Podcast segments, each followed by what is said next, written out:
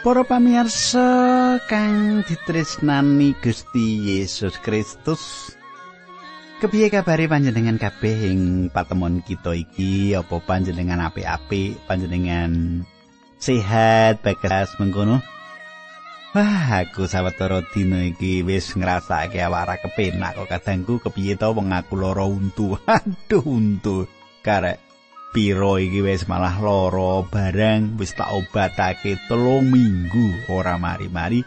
Jare sarape wis dicupuk karo dokter ning kok ijek lara wae wis aku pindah dokter gigi lan saiki wis kepenak.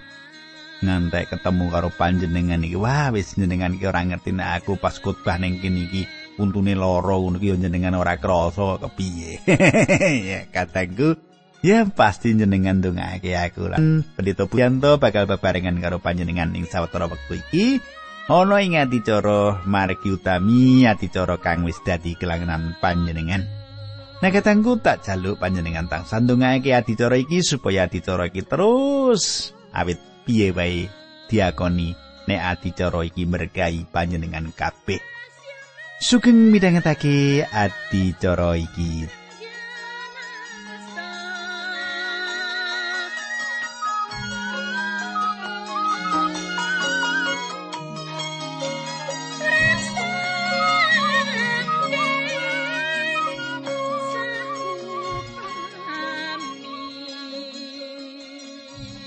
Pamirsa ing sadroning pepanggihan kita kepungkur, kita wis nyemak kepiye. Gusti Yesus nglipur para murid kagungane yen para murid tetep bakal nampani tentrem rahayu senadyan para murid kudu nandang tangani oyo. Nah bakal tak teruske nanging sadurunge kita ndedonga, sadurunge ndedonga aku ngaturake salam sik karo Bapak Suryanto. Wah, aku wis ketau ketemu iki Bapak Suryanto. Tulisane mungkin nih, kula saestu remen lan rumaos bejo mirengaken siaran saking radio menika.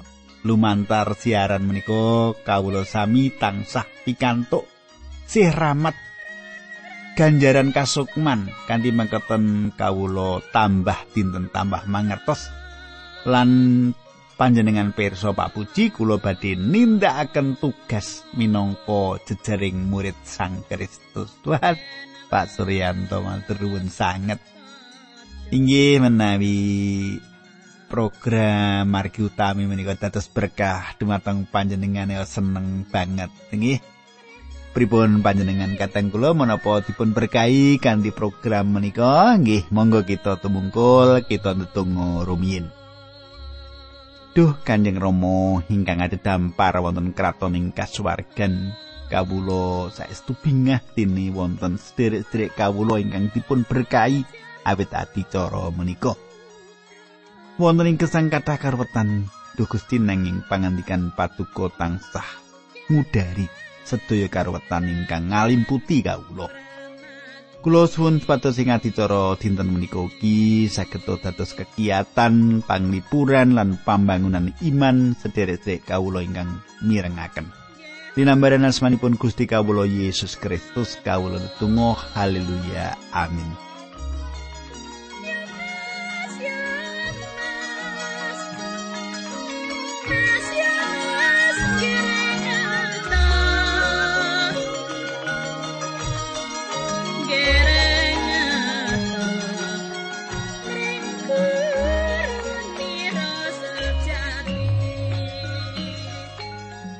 Para pamirsa, pasinan kita ing pepanggihan kita iki wis ngancik ing Injil Yohanes.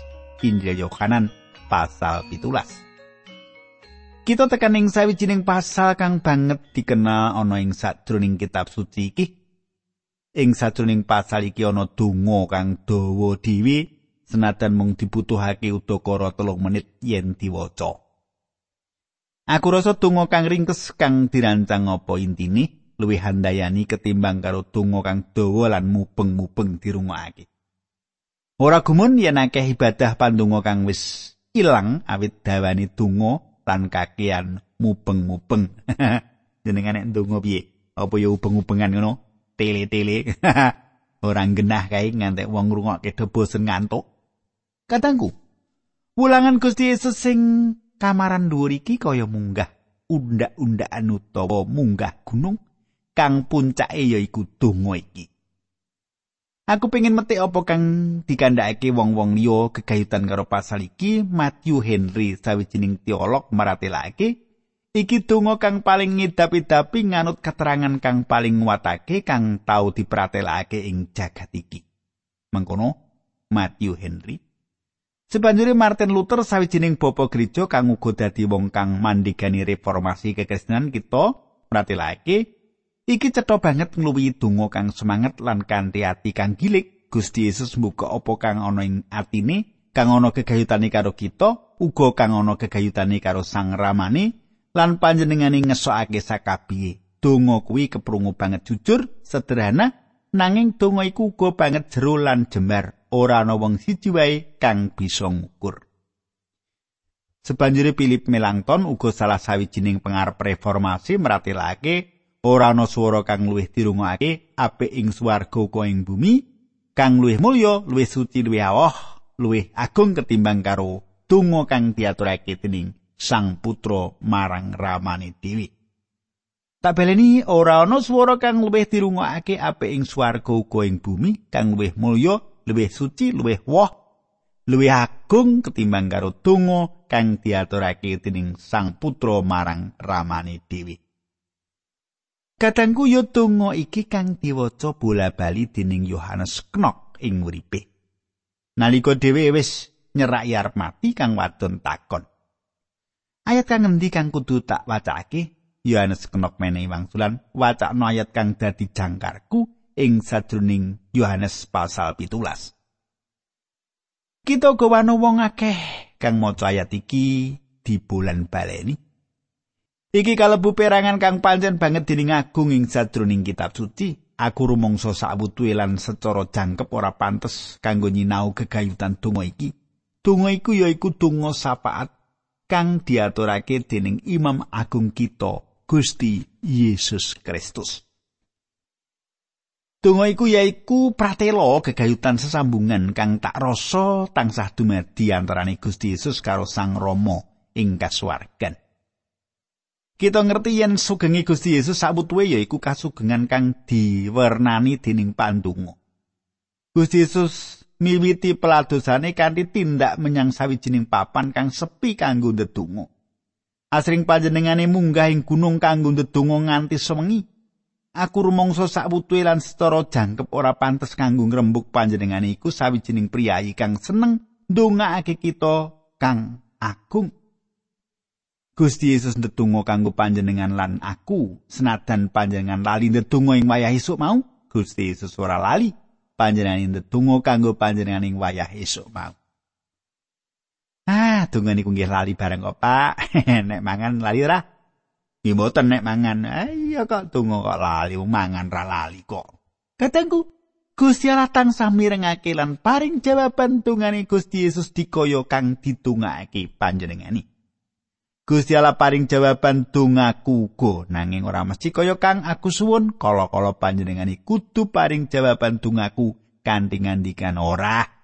Utawa panjenengane bisa uga nganepi apa kang aku dongake kanthi cara kang babar pisan beda utawa wektu kang beda karo kang aku dongake nanging ana ing iya Yohanes 11 ayat 41 nganti 42 mengkene Gusti Yesus paring pangandikan Watune tumuli disingkirake Gusti Yesus banjur temengo sarta matur Duh Rama kawula saos syukur dumateng paduka.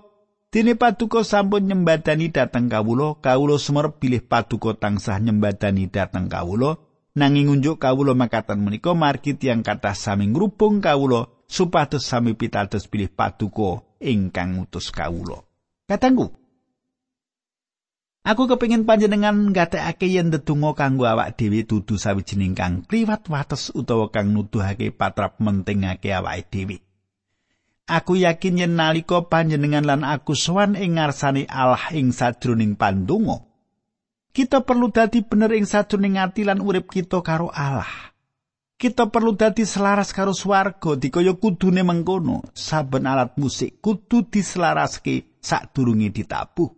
Sadurunge panjenengan lan aku ndedonga kanggo wong-wong liya, iya perlu ndedonga kanggo awak kita luwih dhisik. Patrap mengkene iku dudu patrap mentingake awake dhewe, nanging patrap mengkene iki sabijining patrap kang penting ditindakake. Saiki Yohanan pitulas ayat siji mengkene surasane.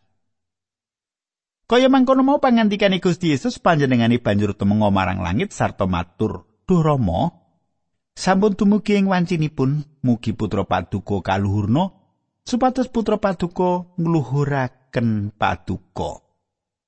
Kadangku kang disihi Gusti Yesus. Panjenengan semak perangan iki kaya mengkono mau pangandikane Gusti Yesus. Pangandikane Gusti Yesus kang endi? Wis mesti wae pangandikane Gusti Yesus ing sakjroning pasal-pasal kang lagi wae kita sinau. Pasal telulas nganti 16. Gusti Yesus mandek ngandikan marang para murid lan sebanjure wiwit ngandikan marang Sang Rama. Senajan Gusti Yesus ngendika marang Sang Rama ing sajroning pasal iki panjenengane ngendika marang Sang Rama demi kepentingan para murid kagungane lan uga kanggo kepentingan kita. Gusti Yesus yaiku pantoro kita kang agung, bisa uga kita ana pitakonan. Menawa Gusti Yesus ndedonga apa kang ditungake ing kene kita semak donga Gusti Yesus. Donga kang diaturake Gusti Yesus marang Sang Rama. Kadangku donga kang disebutake ing sajroning khotbah ing gunung iku sabenere ora pas yen disebut pandungane Gusti Yesus. Donga iku ya iku donga kang diwulangake marang para murid nalika Gusti Yesus miwiti kanthi tembung Rama kawula Gusti Yesus kagungan kersa yen perkara kuwi kang mestine ditindakake dening kabeh wong percaya. Nanging Gusti Yesus nyebut Gusti Allah minangka Rama ing sakjroning pangerten kang siji. Sawise mungune Gusti Yesus saka sida paring pangandikan marang Maryam dikaya kang ditulis ing Injil Yohanan 20 ayat 17.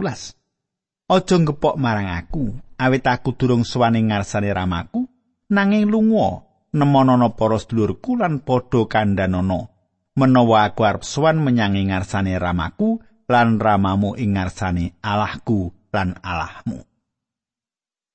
Kadangku kan ditembung liya kadangku Gusti Yesus lagi paring pangandikan aku durung sowan ing ngarsane ramamu kang dadi ramamu awit kelahiran anyar. Lan marang ramaku yaiku ramaku awit kalenggahan ing sajroning Tritunggal. Sebanjure ora bakal uga. Gusti Yesus ngunjukake pandonga kanggo sarirane dhewe kanthi ngendika Paduka apunten kula sami kegayutan kalian kalepatan kula sami.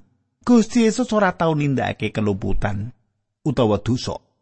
Gusti Yesus ora bakal ngunjukake pandonga kang kaya mengkono kuwi. Mengkono uga kita ora bakal bisa ngaturake pandonga kang dinulis ing sakjroning Injil Yohanan 17 iki. Iki donga mligi kagungane Gusti Yesus cetha banget. Katon ing kene yen Gusti Yesus ngunjukake pandonga iki karo mlaku. Ditulis yen panjenengane tumenga ing langit ateges yen nalika iku socane Gusti tinar buka iki tegese sejatine kita bisa wae ndedonga tanpa ndungkluk lan uga tanpa nutup mripat. Kita bisa ndedonga nalika lagi mlaku utawa nalika kita lagi numpak kendaraan. Katangku saiki panjenengan gatekake apa kang dadi dongane Gusti pandungane Gusti kawiwitan kanthi tembung sampun dumugi ing wancinipun. Wektu apa iki? Yaiku wektu kang wis katetepake wiwit jaman kelanggengan. Gusti Yesus nuju ngendika jam kelanggengan kang wis diatur wiwit kelanggengan kuwi muni. Awit Gusti Yesus iku tempene ngalah kang dikorbanake malah wis karancang sadurunge jagat dititahake. Perkara kuwi wis dirancang ing kelanggengan lan saiki sampun dumugi ing wancinipun. Iling nalika Gusti Yesus miwiti anggone lelati ing kana ibu panjenengane ngendika, wong-wong kuwi kentean anggur. Jawaban Gusti Yesus yaiku, Ibu, panjenengan ngersakake punapa dhateng kawula dereng dumugi wekdal kula. Panjenengan iso semak Yohanes loro ayat telu lan papat. Saiki wektune wis tekan. Wektu ngendi Gusti Yesus bakal mbayar pituas kanggo dosa panjenengan lan aku? yaiku wektune nalika kabeh apa kang dititahake Allah bakal ndeleng katresnane Allah kang dinyatakake lan disokake nalika Gusti Yesus nanggung sakabeh dosa panjenengan lan dosaku. Uga sedo kanggo ngenteni kita pati kang nebus aku lan panjenengan.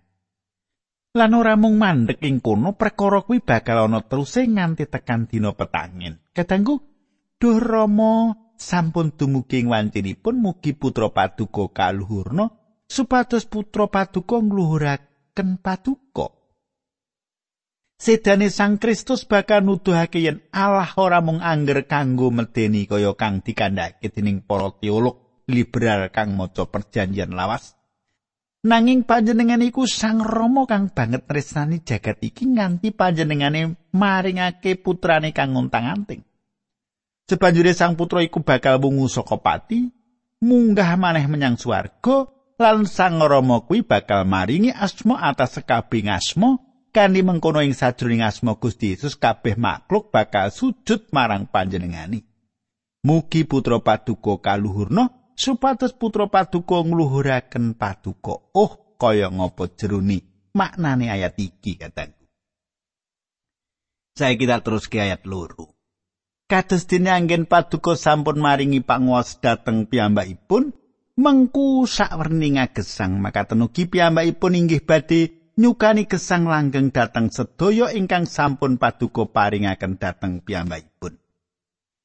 Katangku pangandikan iki pratela kang banget dening ngagetake.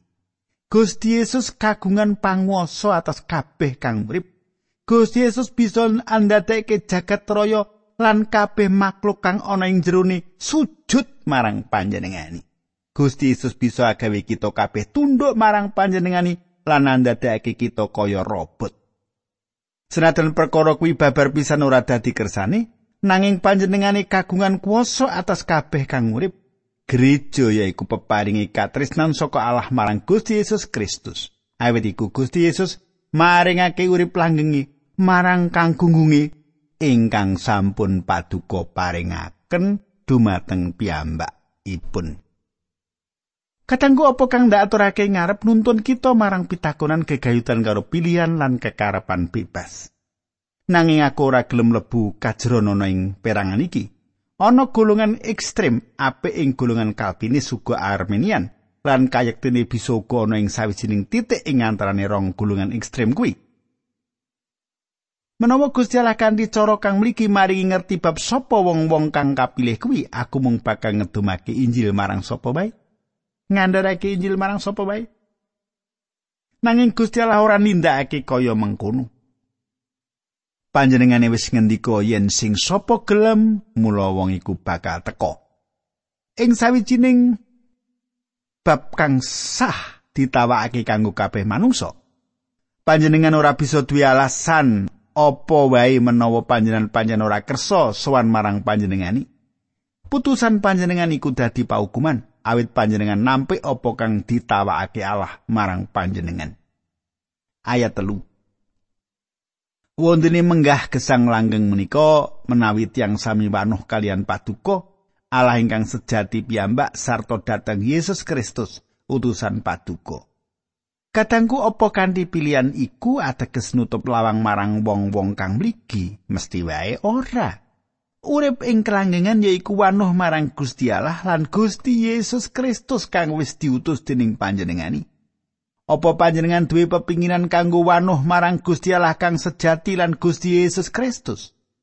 Manawa panjenengan paring wangsulan iyo, mula lawang iku ora katutup kanggo panjenengan. Panjenengan kalebu wong kang kapilih. Gusti Allah paring urip langgeng marang wong-wong kang tau ngrungokake timbalani lan kang sabanjure gelem atur tanggapan ing sakjroning atine wong-wong mau wis marang Sang Kristus atas landesan kekarepan bebasi. Sabanjure panjenengan gatekake uga menawi tiang wanuh sami wanuh kalian paduka. Kadangku wis mesti wae perkara iki ora ngrembug kegayutan sepiro kawruh panjenengan. Nanging jinis kawruh panjenengan iku kang penting. Kang penting yaiku sapa to kang panjenengan wanuhi Apa panjenengan wanuh Gusti Yesus Kristus? Kaya ngono ora gunggunge iman kang dadi duwek panjenengan nanging jinis iman panjenengan kang banget dening penting. Ana sawijining nyanyian kang meratelake pracaya wae pracaya wae marang apa? Pracaya wae marang panjenengane Gusti Yesus Kristus. Aku mentik kandhane bapa gereja kang jenenge Spergon mengkini dudu kabungan ing sajroning Sang Kristus kang nyelametake aku. Sang Kristus kang nyelametake aku dudu ko iman panjenengan marang Sang Kristus senajan iku dadi alat kang paling penting kang nyelametake aku yaiku rah lan pangorbanane Sang Kristus. Katangku Sang Kristus iku kang nyelametake. Wong bisa duwe iman marang kang salah. Sasaran saka iman kita iki kang penting banget. Wondene menggah gesang langgeng menika menawi tiang sami wanuh kalian paduka Allah kang sejati piyambak sarta dateng Yesus Kristus utusan paduka. iman iku tekane saka pangrungon pangrungon marang pangandikane Allah. Banjur apa kang dingendikake ing sajroning pangandikane Allah? Isine Injil yaiku panjenengane sedo kanggo dosa-dosa kita. Dikuburake lan wungu meneh kabeh kang dipratelake Injil iku kasunyatan. Anggon kita wano kekayutan karo samubarang kang kelakon iku lan tanggapan kita marang kawruh iki yaiku kang sinebut iman. Iman yaiku percaya marang Sang Kristus minangka juru slamet pribadi kita. Urip langgeng yaiku wanuh karo Gusti Allah lan wanuh karo Gusti Yesus Kristus. Gusti Yesus yaiku asmani minangka juru slamet lan Sang Kristus iku sesebutane Sang Mesih iku ratune wong Israel. Nalika kita manunggal ing sajroning kita wanuh Gusti Yesus Kristus, kita mlebu ing papan kang kebak jaminan. Sing sapa ora duwe jaminan keselamatan mula wong iku ora dislametake utawa isih bayi ing sajroning Sang Kristus. Wong-wong kudu jumangka mlebu ing sajroning papan ing ngendi wong kuwi ngerti yen awake wis dislametake. Urip langgeng yaiku wanuh karo Gusti Allah kang sejati lan wanuh karo Gusti Yesus Kristus. Yaiku alasane mula sinau pangandikane Allah dadi sawijining perkara kang penting. Akeh wong ngadeg ing pipining lawang lan ora yakin yen dheweke wis dislametake.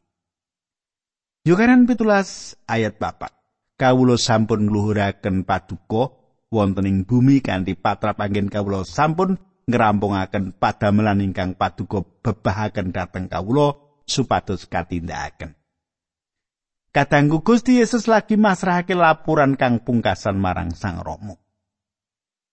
Panjenengane durung sedo ing kayu salib nanging ing pamirsane Sang Rama Gusti Yesus ngendika sawijining prakara kang durung dumati kaya-kaya minangka sawijining prakara kang wis dumati Kanggone Gusti Allah kang bakal teka padha pase karo kang wis kepungkur Gusti Yesus bakal munggah ing kayu salib lan wungu maneh saka pati ing kayu salib Gusti Yesus ngendika wis rampung.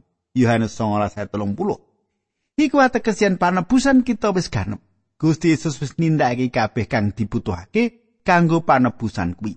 Kita bisa menehi tondo titik ing kene. Kita ora bisa nambahake apa wae marang apa kang wis dirampungake Gusti Yesus. Awit saka iku, Injil keselamatan dudu kekayutan apa kang dikersakake Allah kanggo panjenengan tindakake. Nanging apa kang dingendikake Gusti Allah kekayutan apa kang wis diganepi dening panjenengane kanggo panjenengan. Tanggapan panjenengan marang prakara iku kang penting banget kanggo keselamatan panjenengan. Yukaran petulas saat limo, sapunika duromo paduka muging luhuraken kawula wonten ing pangayunan paduka piyambak kanthi kaluhuran ingkang dados gadan kawula wonten ing ngarsa paduka saderengipun jagat dumados. Kadangku ing sajroning Filipi loro dicethake kegayutan Gusti Yesus kang nyuwungake sarirani. Sawetara wong mulangake yen Gusti Yesus nyuwungake sarirani saka hakikat sifat kealahani.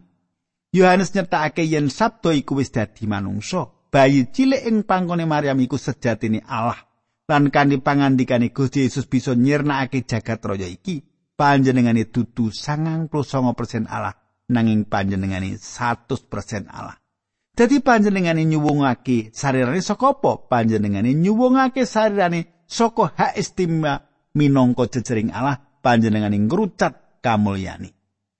Kadangku ing Natal kita akeh ngundurake kawigaten kita marang para pangon lan malaikat uga marang wong-wong majus kang suwan marang Gusti Yesus. Kudune ora kaya mengkono. Gusti Yesus iku Gusti kang luhur lan sakabehing makhluk, sakabehing umat manungsa kudune ana ing kono nalika panjenengane lahir. Akeh wong kang teka saka ngendi-endi papan lan malah saka ngendi-endi pojok ing jagat ing sajroning ngubur wong kang dadi pemimpin politik kang gedhe saindenging jagat kudune teka ing sadurunge lakon laire Gusti kang luhur. Nalika panjenengane rawuh ing jagat iki sinadyan panjenengane bisa nyuwun pengaji kang mengkono panjenengane malah ngeracut kamulyan iku saiki panjenengane siap bali menyang kasuwargan bali marang kamulyan utawa kaluhurane Katanggu piye terus kita bakal nyemak dina candake saiki ayo ndedonga Dukane romang swarga matur nuwun pangandikanipun Gusti ingkang saged kawula gegilut ing dinten menika. Paduka cethakaken kane roh suci paduka dhateng sederek-sederek kawula menika. Dinambaran asmanipun Gusti Yesus Kristus kawula nutung haleluya. Amin.